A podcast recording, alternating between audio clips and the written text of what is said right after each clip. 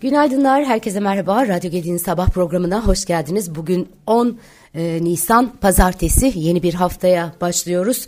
E, seçim yaklaşıyor. Seçim yaklaşırken e, çok yakından takip ediyoruz gelişmeleri elbette.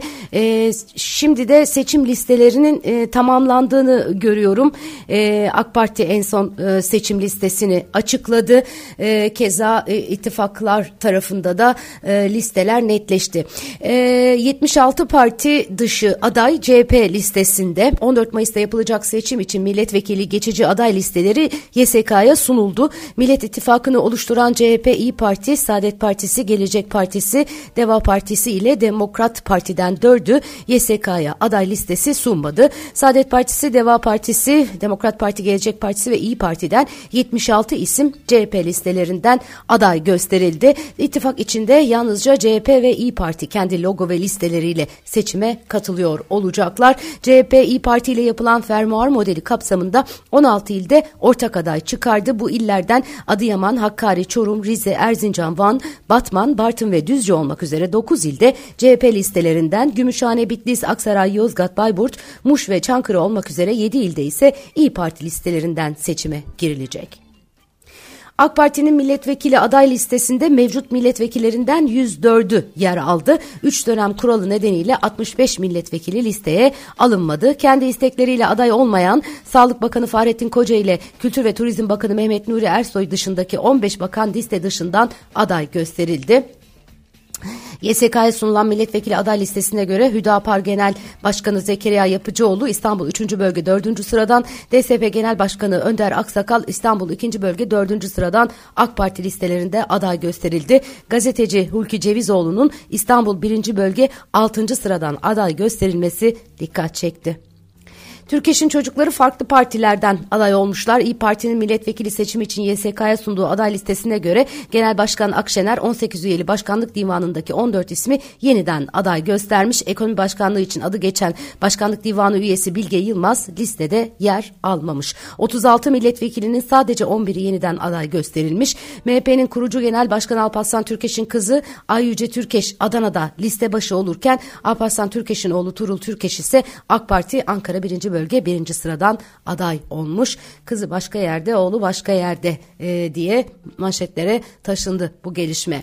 Tipte Hatay, Hatay fedakarlığı diye bir başka e, manşetle Yeşil Sol Parti e, tarafındaki gelişmeler aktarılıyor. Yeşil Sol Parti e, 28. dönem milletvekili genel e, seçimi aday listesini Yüksek Seçim Kurulu'na sundu. Devam eden kapatma davası nedeniyle HDP adayları da seçime Emek ve Özgürlük İttifakı çatısında yer alan Yeşil Sol Parti'nin listesinden giriyor.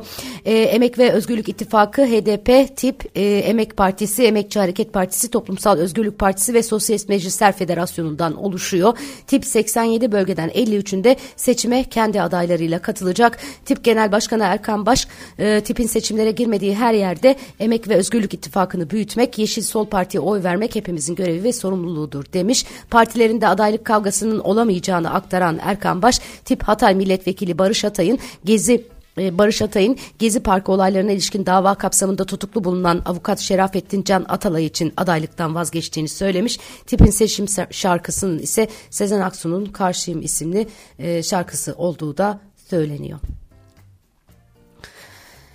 Evet, e, bu hafta piyasalar açısından yoğun bir hafta olacak. Hmm, geçen hafta Amerika'da hisse senetleri karışık bir seyir e, göstermişti. Bu hafta çarşamba günü enflasyon verisi gelecek. FED tutanaklarından alınacak olası sinyallerde yatırımcıların odağında bulunacak. Geçen hafta açıklanan verilere göre Tedarik Yönetim Enstitüsü yani ISM diyoruz biz buna. İmalat endeksi Mart'ta 46,3 ile piyasa beklentilerinin altında kalırken imalat sanayisindeki daralmanın devam devam etmesi resesyon endişesini arttıran bir başka engel oldu.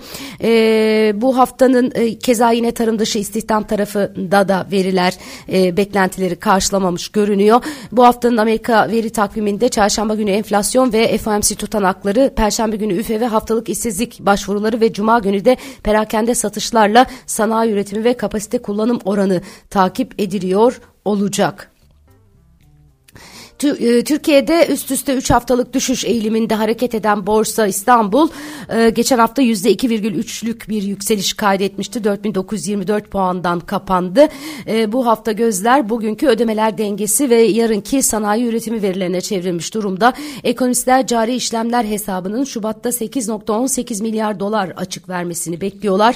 Cari işlemler hesabı Ocak 2023'te 9 milyar 849 milyon dolar açık verirken yıllıklandırılmış cari açık 51 milyar 686 milyar dolar olmuş idi. Geçen hafta açıklanan verilere göre tüfe aylık %2,29 ve yıllık %50,51 artışla beklentilerin altında kalırken Dünya Bankası Türkiye'nin ekonomisine ilişkin büyüme tahminlerini bu yıl için %2,7'den %3,2'ye yükseltti. Bu hafta aynı zamanda yurt içinde ayrıca e, çarşamba günü perakende satışlar e, verileri takip ediliyor olacak. Ee, Ekonomim gazetesi dövizde günlük ihtiyacı kapalı çarşı karşılıyor diye bir haber yapmış. Döviz işlemleriyle ilgili sıkı kurallar ve arz sorunları kapı, kapalı çarşıyı yeniden döviz işlemlerinde operasyon merkezi haline getirdi diyor haber. Döviz ihtiyacını kapalı çarşıdan karşılayan, karşılayan kurumlara Merkez Bankası da katılmış. Banka tekerlekli demir sandıklarla her gün çarşıdan dolar topluyor diyorlar.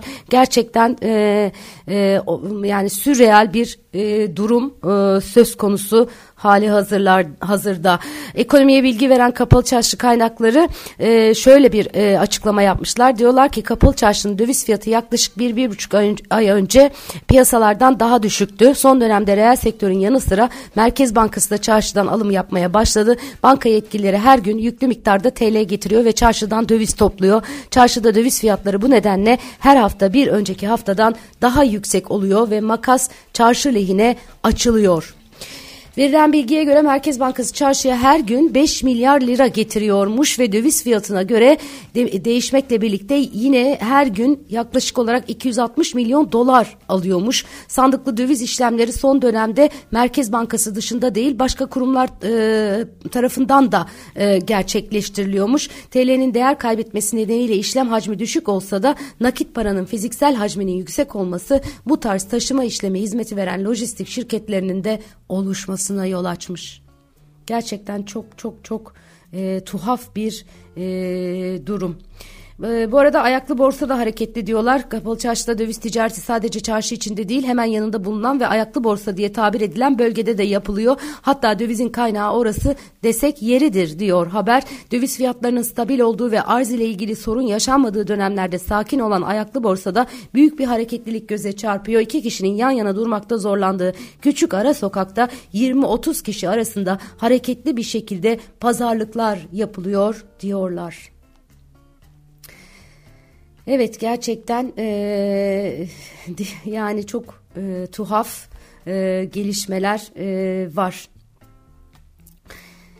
Evet başka neler var şöyle bir bakıyorum ee, yine bugünün notları içerisinde dünyadan bazı gelişmeler aktarabilirim size. Hindistan Sağlık Bakanlığı ülkedeki 8 eyalette Covid-19 vakasında artış yaşanmasının ardından Haryana ve Kerala eyaletleri dahil bazı bölgelerde maske zorunluluğu getirildiğini açıklamış.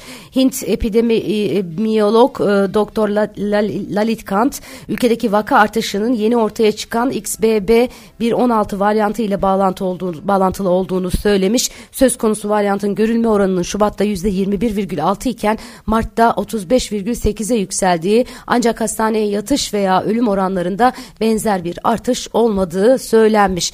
Hindistan Sağlık Bakanlığı son 24 saatte 5357 yeni vaka görüldüğü ve aktif vaka sayısının 32.814 olduğunu bildirmiş. Ülkede 30 Mart'ta 3016 vakayla yaklaşık 6 ayın en yüksek vaka sayısına ulaşılmış idi.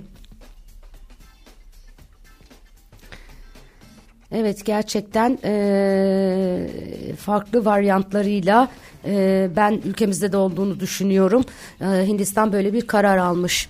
Diğer yandan e, Çin'den Tayvan'a görüşme misillemesi diyor e, bir başka haber. Çin Tayvan Devlet Başkanı e, Amerikan Temsilciler Meclisi Başkanı ile yaptığı görüşme sonrası başlattığı 3 günlük askeri tatbikat kapsamında Tayvan çevresine savaş uçakları ve savaş gemilerini göndermiş. Tayvan Savunma Bakanlığı'ndan yapılan açıklamada cumartesi günü Tayvan yakınlarında Çin'e ait 8 savaş gemisi ve 42 7 savaş uçağı tespit edildiği ve bunlardan 29'unun Tayvan Boğazı'nın orta hattını geçtiği bildirilmiş. Tayvan ordusu ise füze savunma sistemlerinin aktif hale getirildiğini ve Çin savaş uçaklarını takip etmek üzere hava ve deniz devriyeleri başlatıldığını açıklamış. Çin'e ait bir amfi, e, amfibi e, çıkarma gemisi de cumartesi sabahı Tayvan tarafından kontrol edilen Matsu adalarının 50 kilometre kuzeybatısında çok sayıda top atışı yapmış. Ee, küresel gıda fiyatlarında e, gerileme 12. ayında diyor bir başka haber. Uluslararası Gıda Emtia Fiyatları Gösterge Endeksi tahıllar ve bitkisel yağlar için dünya kotasyonlarındaki düşüşlerin etkisiyle Mart itibariyle 12. kez aralıksız geriledi. Bol arz, bastırılmış ithalat talebi ve Karadeniz tahıl girişiminin genişletilmesinin bir karışımı düşüşe katkıda bulundu diyorlar.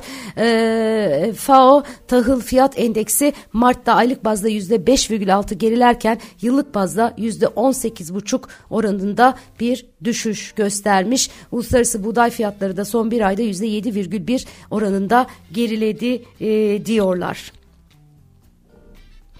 JP Morgan'dan bir açıklama var. Bankacılık krizi sona yaklaşıyor diye JP Morgan CEO'su Jamie Dimon'a göre daha fazla banka çöküşü yaşansa bile Amerikan bankacılığında yaşanan kriz sona ermeye yakın. Dimon sadece bir avuç bankanın SVB'nin e, yaşadığı problemleri tecrübe ettiğini belirtirken bu hafta sektörün açıklayacağı bilançoların büyük ölçüde iyi olacağını kaydetmiş. Dimon daha fazla bankanın iflas edip etmeyeceği sorusuna da bilmiyorum ama daha fazla iflas, iflas iflas görürsek bunları bunlar muhtemelen son iflaslar olacak diye konuşmuş. Evet, e, bugünün notları özetle böyle. Son olarak Türkiye'nin tamamının sağanak e, yağış etkisinde olduğunu söylemek lazım. Meteorolojiden yapılan son hava durumu tahminlerine göre 15 il için sarı kodlu uyarı yapılırken Türkiye'nin tamamı sağanak yağışların etkisinde olacak. İstanbul'da da bugün yağmurlu bir hava var. Kendinize çok çok dikkat edin. Güzel bir hafta diliyorum herkese. E, bugün ekonomi e, sohbetleri var. Bireysel emeklilik sistemini konuşacağız. Tasarruflarımızı nasıl değerlendireceğimizi konuşacağız. Fonların getirilerini konuşacağız. Sevgili e, Zeynep Aktaş e, bizimle birlikte olacak. Her zaman olduğu gibi saat 16'da e, Radyo Gedik'te ve İstanbul Gedik Üniversitesi'nin YouTube kanalında bekleriz.